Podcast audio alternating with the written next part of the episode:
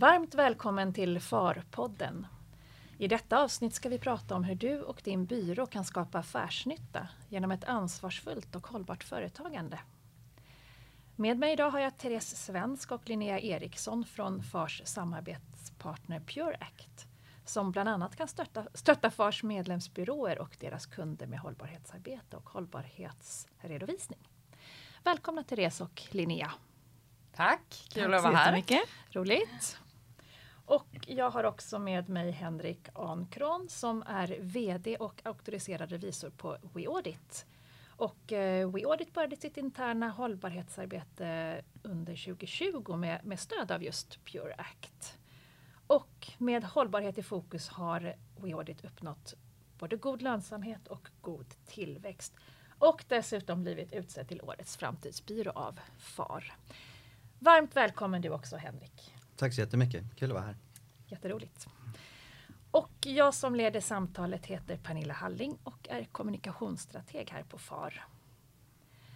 Jag tänkte att eh, Linnea och Therese, om ni kan börja med att berätta lite om Pure Act och vad ni gör. Ja, absolut. Pure Act, eller vi brukar säga att Pure Act är en byrå för enkel och effektiv transformation mot hållbart företagande.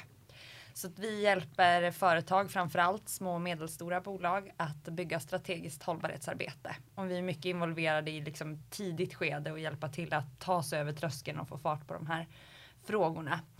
Eh, så att vi guidar företag både genom vår femstegsprocess eh, som jag tänker att vi kanske kommer prata om lite längre fram, men mm. också via vårt digitala verktyg Acture. Och det här är ett verktyg då både för hållbarhetsplaner och hållbarhetsrapporter.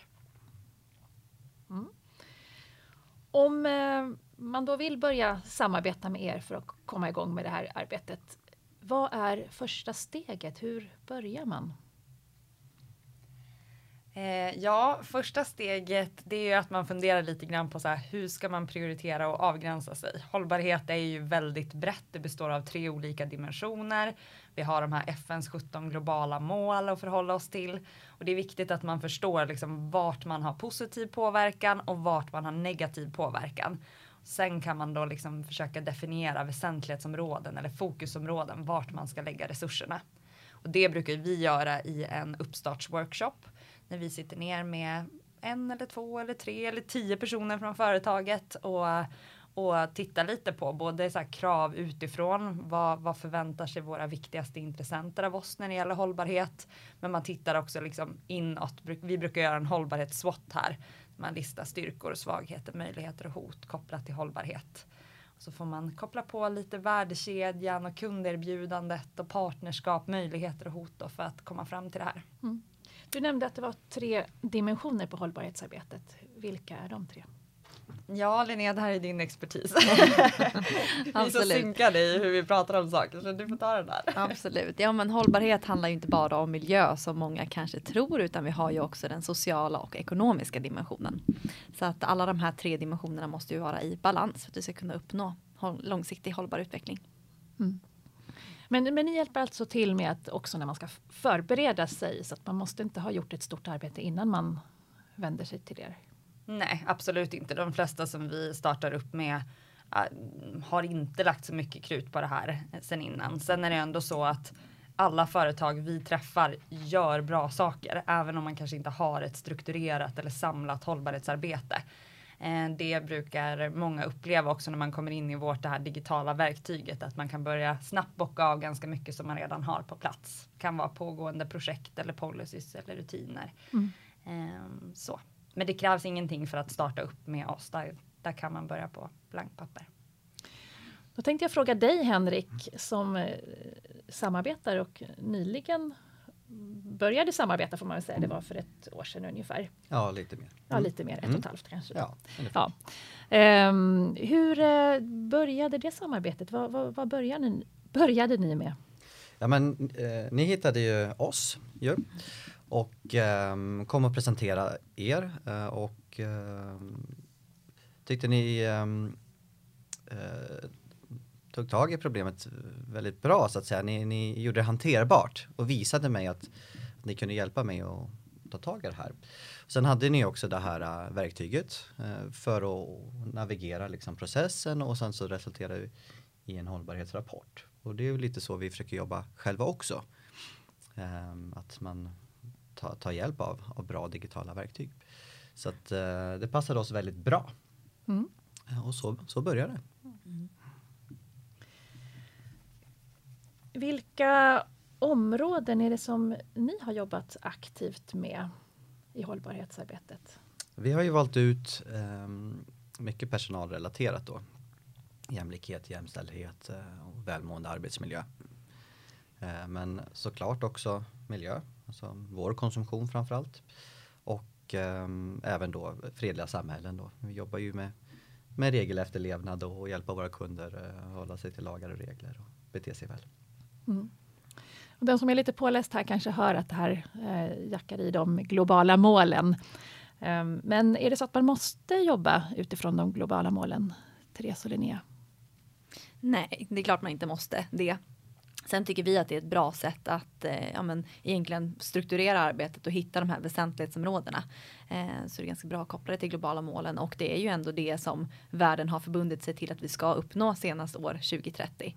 Eh, så att ja, vi tycker att det är ett bra sätt för både egentligen för företag och privatpersoner att hitta sina hjärtefrågor och sitt ja, fokus egentligen. Mm. Det är bra framförallt för liksom jämförbarheten. Eh, får man frågor kopplat till hållbarhet så är det ganska vanligt att de är direkt knutna till globala målen och har man då också liksom väsentlighetsområden eller åtminstone funderat på hur våra väsentlighetsområden hänger ihop med de här målen så, så um, är det ganska värdefullt. Mm. Du nämnde några områden här Henrik som ni har jobbat med. Skulle du kunna ge lite konkreta exempel inom de här olika områdena? Hur, vad ni har gjort? Mm. Ja, vi kan väl nästan börja med miljö. Det tror jag de flesta börjar tänka på. Så, och, eh, där har vi ju kartlagt då våra större leverantörer. Alltså det är väl hyresvärdar och elektronik och liknande. och eh, tillsett att, att de vi har eh, själva då har ett aktivt hållbarhetsarbete för sin organisation, för sina medarbetare etc. Um, och eh, har de inte uppfyllt de kriterierna så har vi tittat efter en annan och, och bytt.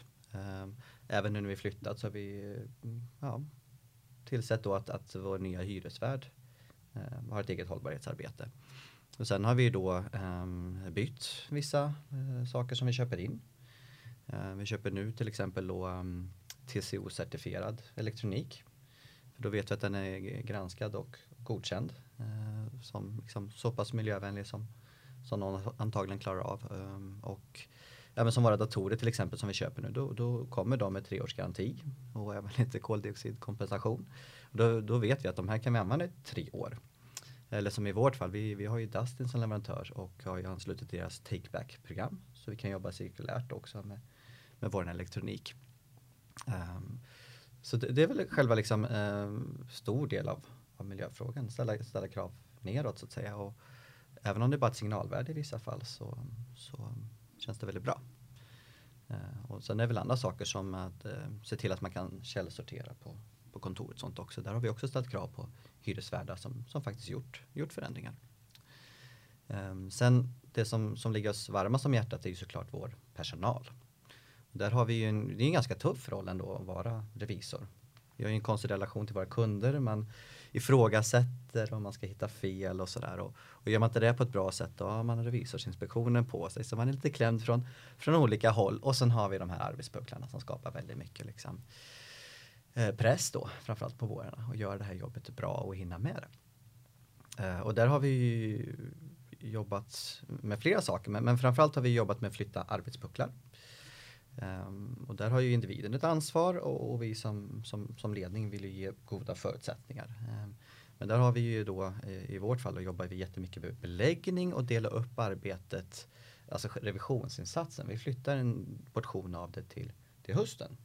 Och det handlar om saker som att vi har eh, en beläggningsplanering så vi kan mäta det och statistik på hur det går. Vi har eh, incitament för individen att få belöning om de själva tar tag i det bra. Eh, men också då bra liksom, mallar och verktyg så att man kan göra större del av arbetet eh, på en annan tid på året utan att det ska bli massa ställtid eller tappad tidsförlust liksom, i hur, hur man jobbar med kunden. Så där tror jag att vi, vi i högre grad än andra firmor eh, fördelar ut arbetet mer. Och, och det finns ju en vinst för kunden också att vi kan komma in tidigare.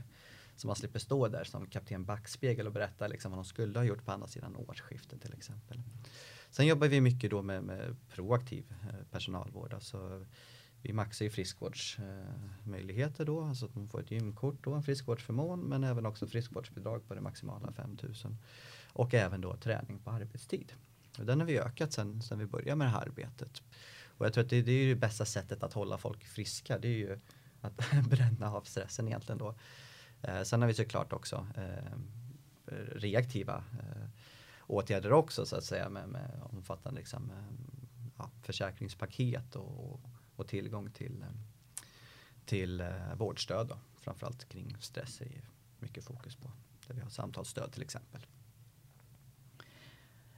Upplever du att eh, kunderna är intresserade av, av eh, hållbarhetsarbetet? Inte så mycket som jag hade hoppats ännu. Mm. Det är väl fortfarande lite i sin linda. Jag tror att det kommer nog explodera när de får frågor eller kanske till och med krav från, från sina egna kunder framöver. Mm. Men just nu är det lite, lite lugnt ännu. Mm. Mm.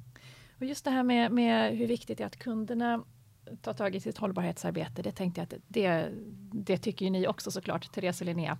Kan ni berätta lite om, om varför det är så viktigt att man tar tag i det här?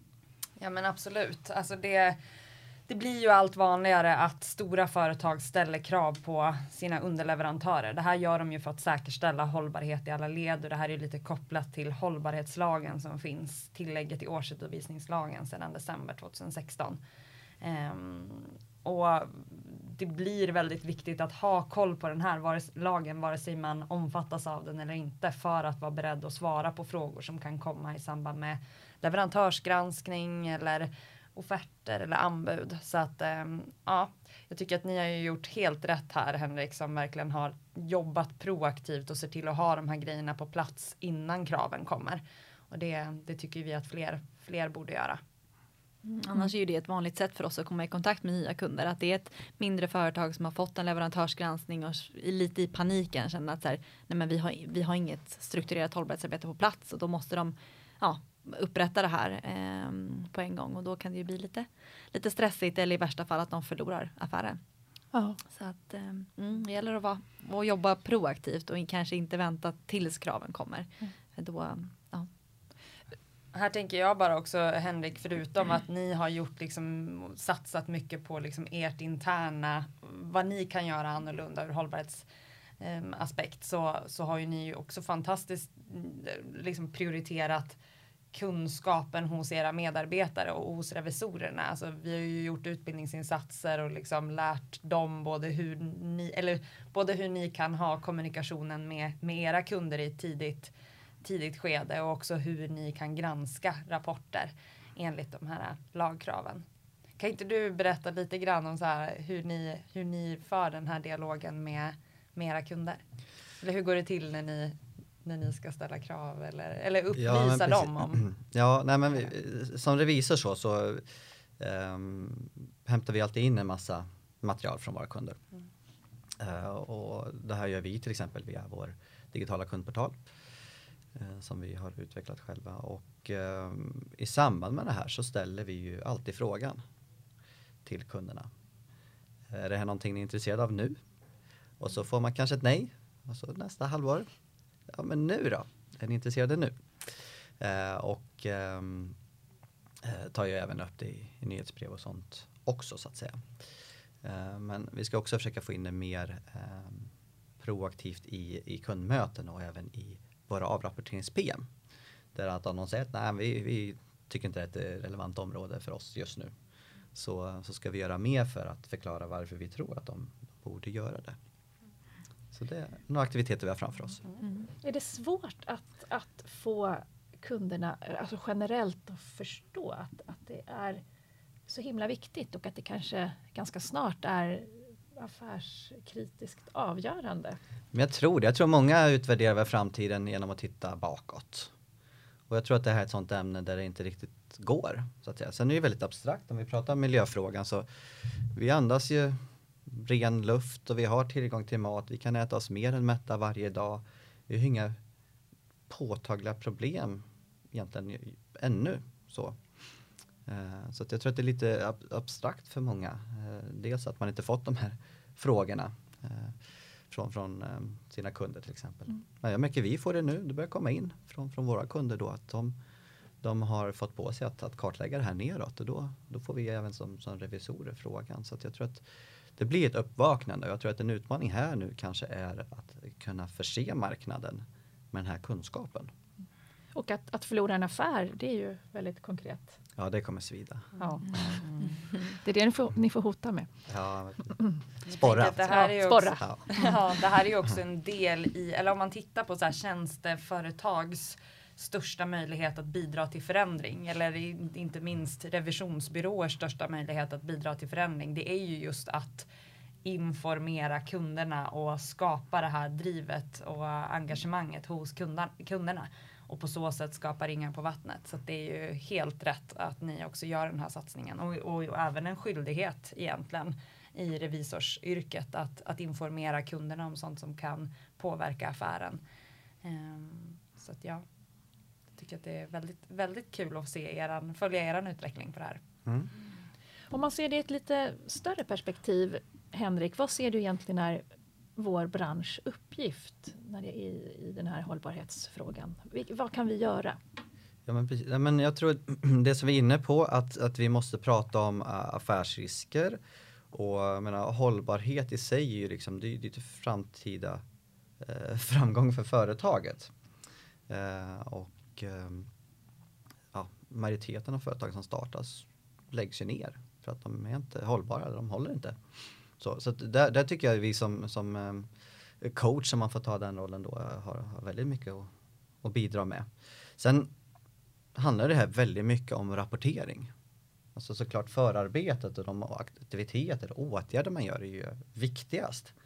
Men, men rapporteringen är ju väldigt elementär för förtroendet och liksom prata om det med transparens. Och den delen är ju vi högst elementära i vår bransch. Framförallt då redovisningskonsulterna som måste komma in och hjälpa till med rapportering. Det är vad vi kan. Sen är vi jättebra då sen gammalt på att ha single bottom line, alltså att det trillar ner alla aktiviteter i ett resultat. Ett ekonomiskt resultat. Eh, och nu finns det förväntningar att man ska mäta liksom, eh, utfallet eh, på ja, människor eller sin personal och också på, på miljö så att säga. Eh, men det tror jag att där, där ska vår bransch kliva in och ta våra kunder i handen och hjälpa till och rapportera de ekonomiska aspekterna av en affärshändelse, inte bara eh, de ekonomiska. Sa jag miljömässiga nu? Du sa ekonomiska men ja, miljömässiga. Du förstår vad jag menar. Ja. Ja, nej, men att de klarar av att hjälpa kunderna eh, redovisa fler dimensioner mm. ändå. Och alltså, ju mer här, digitala de här uh, interna affärssystemen blir desto lättare kanske också samla in uh, information om medarbetarna också. Så, alltså om, om det handlar om stress till exempel så, så kan man där i kanske äh, ställa frågan och då har man också datan att rapportera. Så att, där, där tror jag att vi, vi måste ta ett större ansvar och hjälpa till med rapportering. Mm. Jag nämnde inledningsvis att ni är en samarbetspartner till oss på FAR eh, Pure Act. Då. Och, eh, och då för att förtydliga det här så vänder ni er både till revisionsbyråer och redovisningsbyråer och, och byråer som har båda dera. Um, hur är det? Är, det? är det? är det mest revisorer eller är det även redovisningskonsulter som har vänt sig till er för att få stöd? Ja, både, både och egentligen. Eh, vi har några revisionsbyråer och några redovisningsbyråer. Eh, och vi gillar ju att samarbeta med, ja, med båda. Eh, revisorerna har ju den här uppgiften att men, kunna granska eh, hållbarhetsrapporter och redovisningskonsulterna snarare då att kunna hjälpa till liksom, i rådgivning och eh, egentligen uppmärksamma dem på att en hållbarhetsrapport måste upprättas eller eh, ja, hur man också kan, hur man frivilligt kan upprätta en hållbarhetsrapport. Så att eh, ja, det är väl eh, lite både och. Vi samarbetar ju på så sätt att liksom byråerna kan Ja, ja, vi kan både utbilda rådgivarna eller mm, redovisningsekonomerna och revisorerna i, i liksom det som de bör, bör kunna. Men sen kan ju byråerna också hänvisa till oss där deras deras område liksom slutar. Eh, så det, det är ju också en möjlighet att vi kan hjälpa byråernas kunder att, eh, att få de här rapporterna på plats.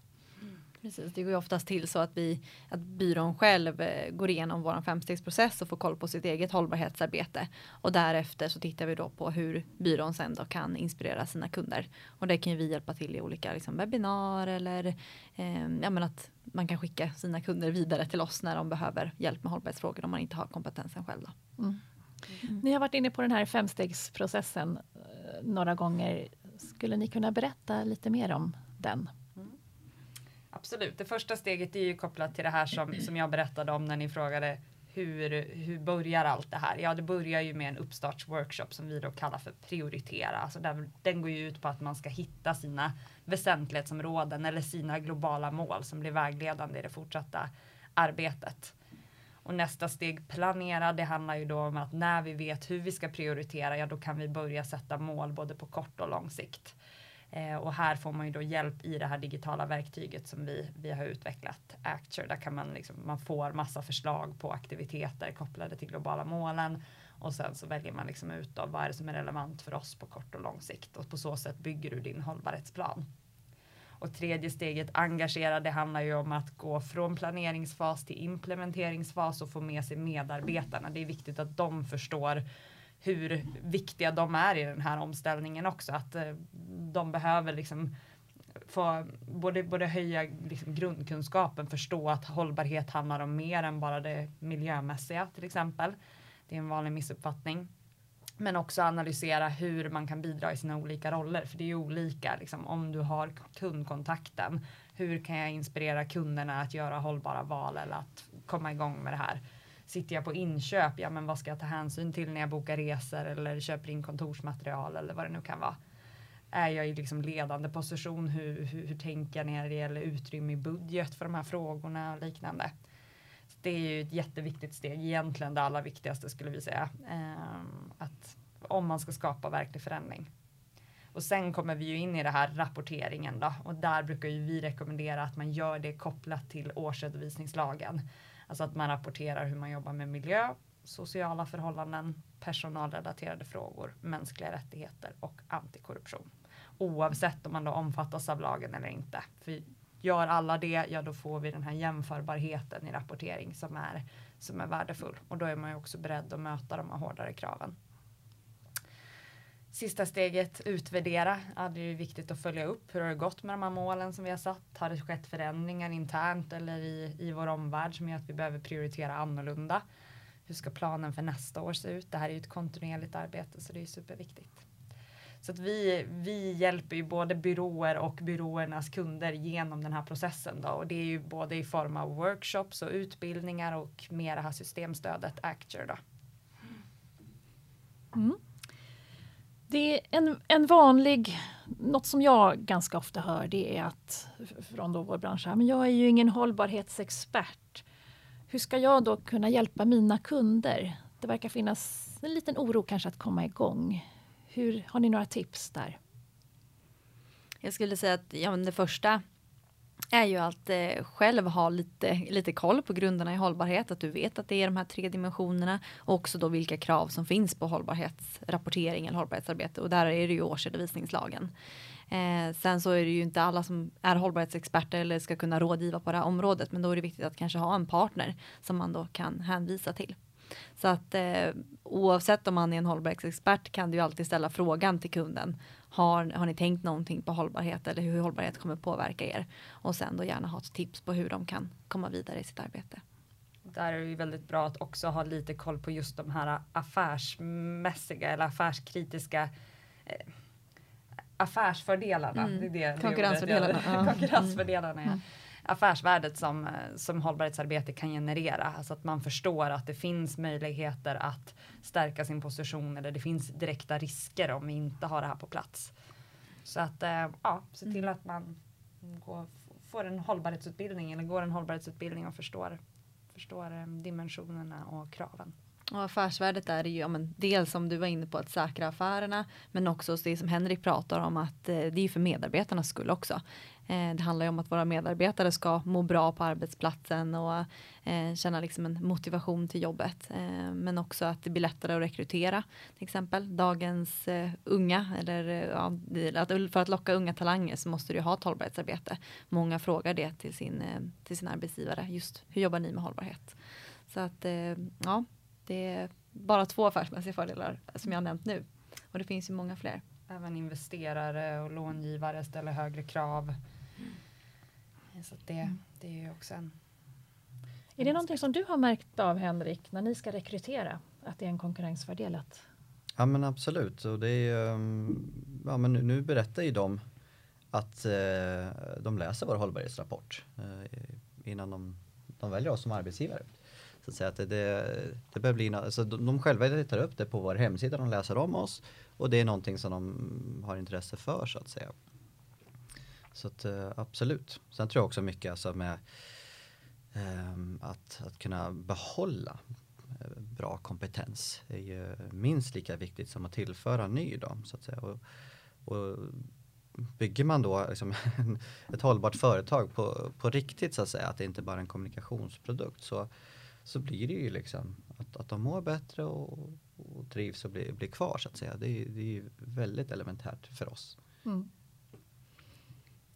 Ni säger, att, ni säger eller alla tre här att um, när man ska rekrytera är det en konkurrensfördel och det finns ett stort intresse bland unga mm. för det här. Men när det gäller um, bankerna då? Henrik, har du märkt något intresse från bankernas sida? Nej, sen har inte vi all kontakt när det gäller liksom, ny kreditgivning och så, utan många av kunderna sköter det själva. Så jag är inte helt kvalificerad att svara på det så att säga, men eh, vi har inte fått någon, någon information eller krav från det, varken i vår egen bankkontakt eller i relation till våra kunder ännu. Eh, Therese och eh, Linnea, har ni någon dialog med bankerna om eh, vad de förväntar sig framåt och så? Mm, det har vi. Vi, har ju, eller vi håller på att etablera ett nära samarbete med en av storbankerna just nu. Och ja, men där har vi pratat mycket om det här hållbarhet i ett tidigt skede, alltså när det gäller eh, riskanalys egentligen som, som rådgivarna behöver göra innan de beviljar lån och krediter och liknande. Så att eh, ja, det är väl framförallt det egentligen som, som vi har pratat mycket om. Mm. Sen fick ju vi själva frågan när vi startade upp för fyra år sedan. Mm. Så fick ju vi svara på eh, hur vi jobbar med, mot de globala målen när vi startade upp vårt bankkonto. Ja, just så det. Att, eh, ja, det vart vi lite, lite chockade över men tyckte vi var super, superbra. Sen vet jag inte hur det ser ut nu. De borde ju ställa, ställa mer krav egentligen. Men ja. Jag tror att det är precis det som, mm. som är på gång. Att, ja. att uh, man behöver ha en medvetenhet kring risker och hur man hanterar olika utmaningar och vad som är väsentligt för sin bransch eller den storlek som man har. Um, mm. Och visa en, visa en medvetenhet i det. Mm. Vi var inne på granskning av hållbarhetsrapporter, nämnde, nämnde vi tidigare. Tänkte jag höra med dig Henrik, har du upplevt någon ökad efterfrågan på granskning av hållbarhetsinformation? Nej, inte, inte märkbart, inte så att det, det belastar oss, eh, utan det är fortfarande en, en, handfull faktiskt som har valt att göra det. Um, faktiskt. Mm. Mm. Och eh, vad, vad, tror ni om det? Kommer det hända något här under året eller när det gäller ökad efterfrågan på granskning av hållbarhetsrapporter? Det är vi helt övertygade om. Absolut. Det kommer ske mycket under de, de kommande åren. Så att eh, stark rekommendation verkligen här att till att jobba proaktivt och, och lära sig det här så att man är beredd att möta de här hårdare kraven. Jag tänkte kolla, vad tror ni, för jag, jag, kan tänka mig att många av de större som har startat upp ett hållbarhetsarbete ganska nyligen jobbat mycket kanske inom organisationen och sen kanske år två eller tre så börjar man jobba sig neråt till exempel till sina underleverantörer till exempel. Jag kan tänka mig att det är många som inför nästa år har som plan till exempel att börja ställa krav på um, ja, sina underleverantörer som kan vara de här mindre bolagen. Vad, vad tror ni? Är det en, ett rimligt antagande? Ja, absolut. Det tror jag verkligen. Eh, som sagt, det blir ju allt vanligare att man ställer de här typerna av krav och det, det gör man ju ofta genom en typ av uppförandekod. Alltså att man formulerar så här, det här är våra värderingar och våra målsättningar kopplat till hållbarhet och det här vill man då att alla partners eller leverantörer ska signera. Det finns ju tuffare varianter på, på granskning här och krav också. Alltså att du får följ, fylla i liksom ja, vi har själva nyligen råkat ut för en liksom leverantörsgranskning där vi har fått svara på 10-15 frågor där vi tydligt ska ange exakt hur vi jobbar med hållbarhet, både miljömässig och social. Eh, för att få till liksom, partnerskap och så. Så att, ja, det tror jag verkligen. Och här blir, kommer ju kraven skärpas också i, i mm, EU-direktivet som ligger till grund för årsredovisningslagen. Att, att man måste ställa eh, högre krav på sina partners och leverantörer man måste få bättre koll på den här indirekta påverkan. Och får man frågan en eller två eller tre gånger, ja, fort blir det ganska obekvämt om man inte kan svara på de här frågorna som dyker upp. Det är ju precis som du säger där Henrik, att när man börjar jobba med hållbarhet så börjar man ju titta på sin egen påverkan. Och sen så när man känner att vi har ja, men, sopat framför egen dörr, vi har koll på, vår, eh, på vårt, då börjar man ju ställa krav på, på de man handlar med. Eh, eller på sin omgivning. Så att ja, det, det kommer nog mer krav ju, ja, men de här kommande åren. För att nu börjar många företag också vara bekväma i sitt eget hållbarhetsarbete. Vem är det på företaget som eh, bör vara hållbarhetsansvarig, tycker ni? Ja, det kan, vara, det kan vara väldigt olika. Eh, om man bara tittar hur det ser ut hos våra kunder så Eh, så skiljer det sig. Men om, i, på stora bolag där det finns liksom en hållbarhetsavdelning, ja, då är det såklart, eller någon hållbarhetschef, ja då är det ofta den som är ansvarig eller dem. På små och medelstora företag så kan det som sagt skilja. Där kan det vara allt ifrån liksom vd till mm, HR till kommunikation eller ekonomi eller den som jobbar med inköp. Men det är inte helt ovanligt heller att det är någon eldsjäl eh, som som driver det här och då kan det vara liksom oberoende position egentligen. Det viktiga här är väl att veta att liksom i grunden så är det ju ledningen och styrelsen som har det övergripande ansvaret för, för rapporteringen. Eh, och ska man liksom delegera den här uppgiften eller ansvaret så, så är det viktigt att man också ger liksom beslutsmandat i det här och att, eh, att de som ska driva arbetet också får, får chans att göra det ordentligt. Vi rekommenderar ju ofta att man tillsätter någon typ av hållbarhetsgrupp. Alltså det är sällan någon som kanske kan lasta hela det här ansvaret själv och speciellt inte om man eller om man har då en delad tjänst till exempel.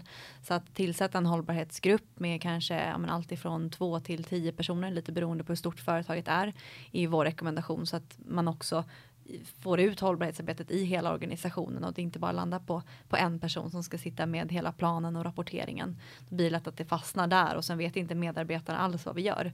Så att, eh, att ha en, en hållbarhetsgrupp är verkligen en, en rekommendation.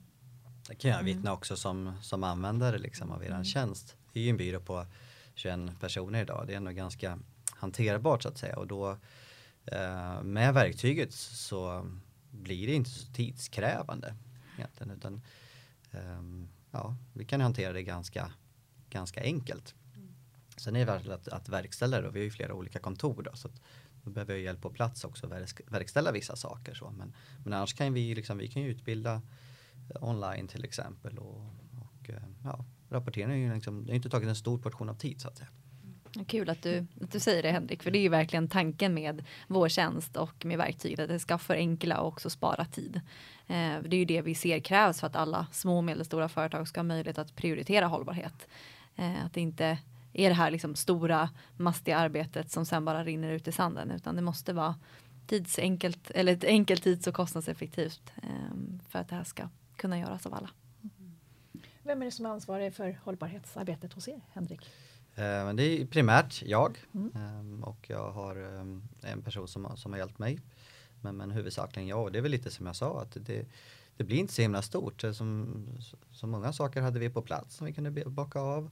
Och ehm, ja, de åtgärder vi infört har, ja, jag, jag har ju tagit hjälp att införa vissa, vissa saker så att säga. Sen om det är en sån sak som att eh, Um, vår ordförande till exempel som ansvarar för vår uh, personalhandbok till exempel uppdaterar med att nu har vi uh, erbjuder vi löneväxlingsbil om man väljer en miljöbil till exempel. det är en ganska snabb åtgärd. Så att, men då fi- fick jag hjälp med den lilla saken men det är inte så himla stort. Så, så att jag har inte sett ett jättebehov av att eh, ja, göra en stor grupp så att säga. Men där är kanske lite speciellt i ert fall också Henrik. För mycket som du sa här i början, det var ju vi som kontaktade kontaktade er och Mm. det var ju just för att vi hade sett att ni var nominerade för årets framtidsbyrå. Mm. Då tänkte vi så ja men de här måste ju ändå förstå att hållbarhet är ju framtiden. Vi, vi, vi kollar läget hos de här Mm, och mm. mycket, ni gjorde ju mycket bra saker redan när vi kom in i bilden. Sen så har ju vi såklart hjälpt till då med strukturen och Mm. rapporten och allt det här. Men ni hade ju verkligen mycket bra grejer på plats redan Mm. innan. Mm. Så jag tror, jag menar, Mm. Sverige som samhälle är ju väldigt bra. Mm. Relativt sett, internationellt sett är det ju ändå väldigt liksom jämlikt och, och jämställt och liksom vi har ett, eh, ja, det är väl liksom topp fyra vad gäller korruption tror jag i världen. Eh, så att jag tror att, och, och jag tror att många arbetsgivare också är väldigt bra, har bra liksom eh, personalvårdsprogram så att säga. Så att, jag tror att liksom de flesta kanske redan har bakat av 70 bara genom att verka i den här miljön så att säga.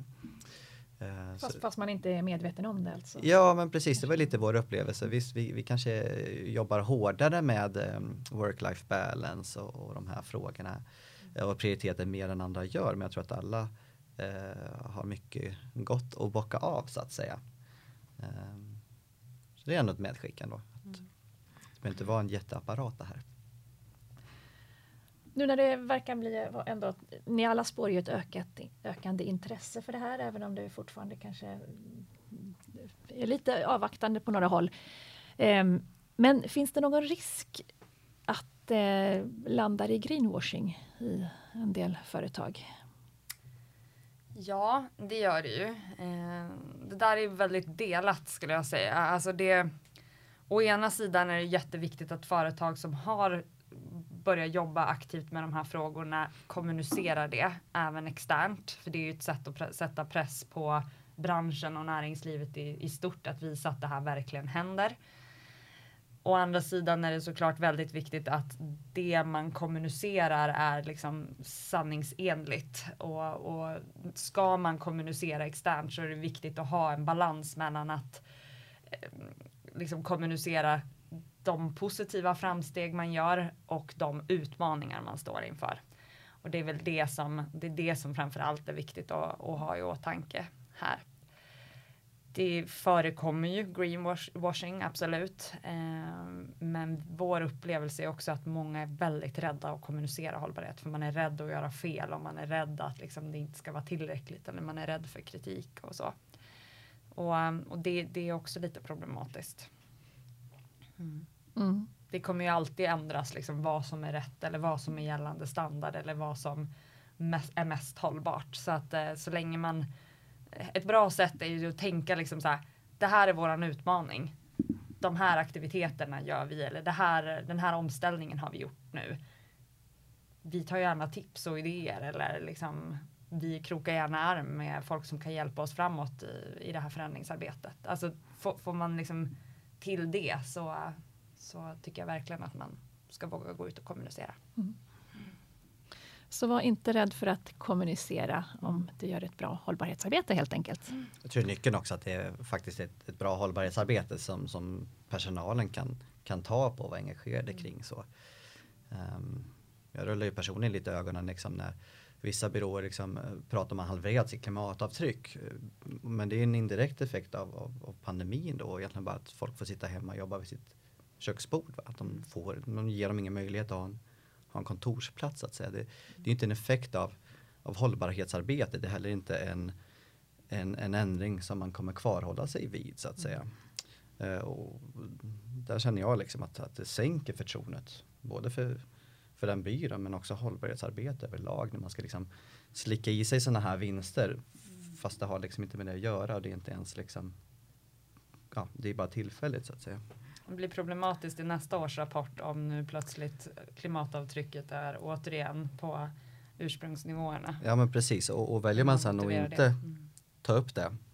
För, för det är ju liksom liksom grundläggande budskapet som vissa sänder ut att det här är vår stora vinst i år.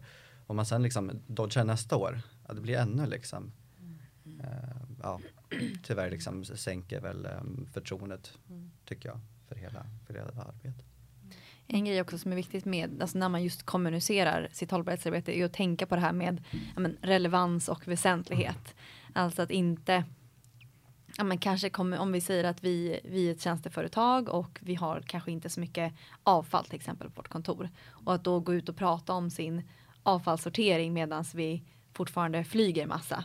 Det blir lite som ja, fel fokus. Så att när, när man ska kommunicera är det viktigt att man kommunicerar det som faktiskt ligger, ja, men är våra utmaningar och våra positiva påverkan, inte de här mindre sakerna.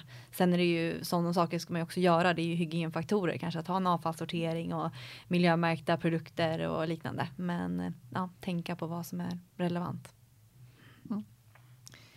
Och de eh, kloka orden och råden får avsluta den här podden. Jag tror att vi skulle kunna sitta och prata här i en halvtimme till minst. Och du som vill eh, lyssna på mer om på det här ämnet så kan jag rekommendera ett webbinarium som kommer att finnas tillgängligt på far.se där Henrik och Therese och Linnea medverkar. Och, ehm, och den som vill samarbeta med Pure Act så finns det information också på far.se under medlemsförmåner. För ni är som sagt en samarbetspartner med oss på FAR. Stort tack Therese och Linnea för att ni kom hit och berättade om hur ni kan stötta våra medlemsbyråer. Tack snälla. Det jätteroligt att vara här. Tack. Och stort tack Henrik för att du berättade om hur ni har jobbat tillsammans med Pure Act för att få igång det här arbetet. Tack själv. Tack. Och tack du som lyssnar.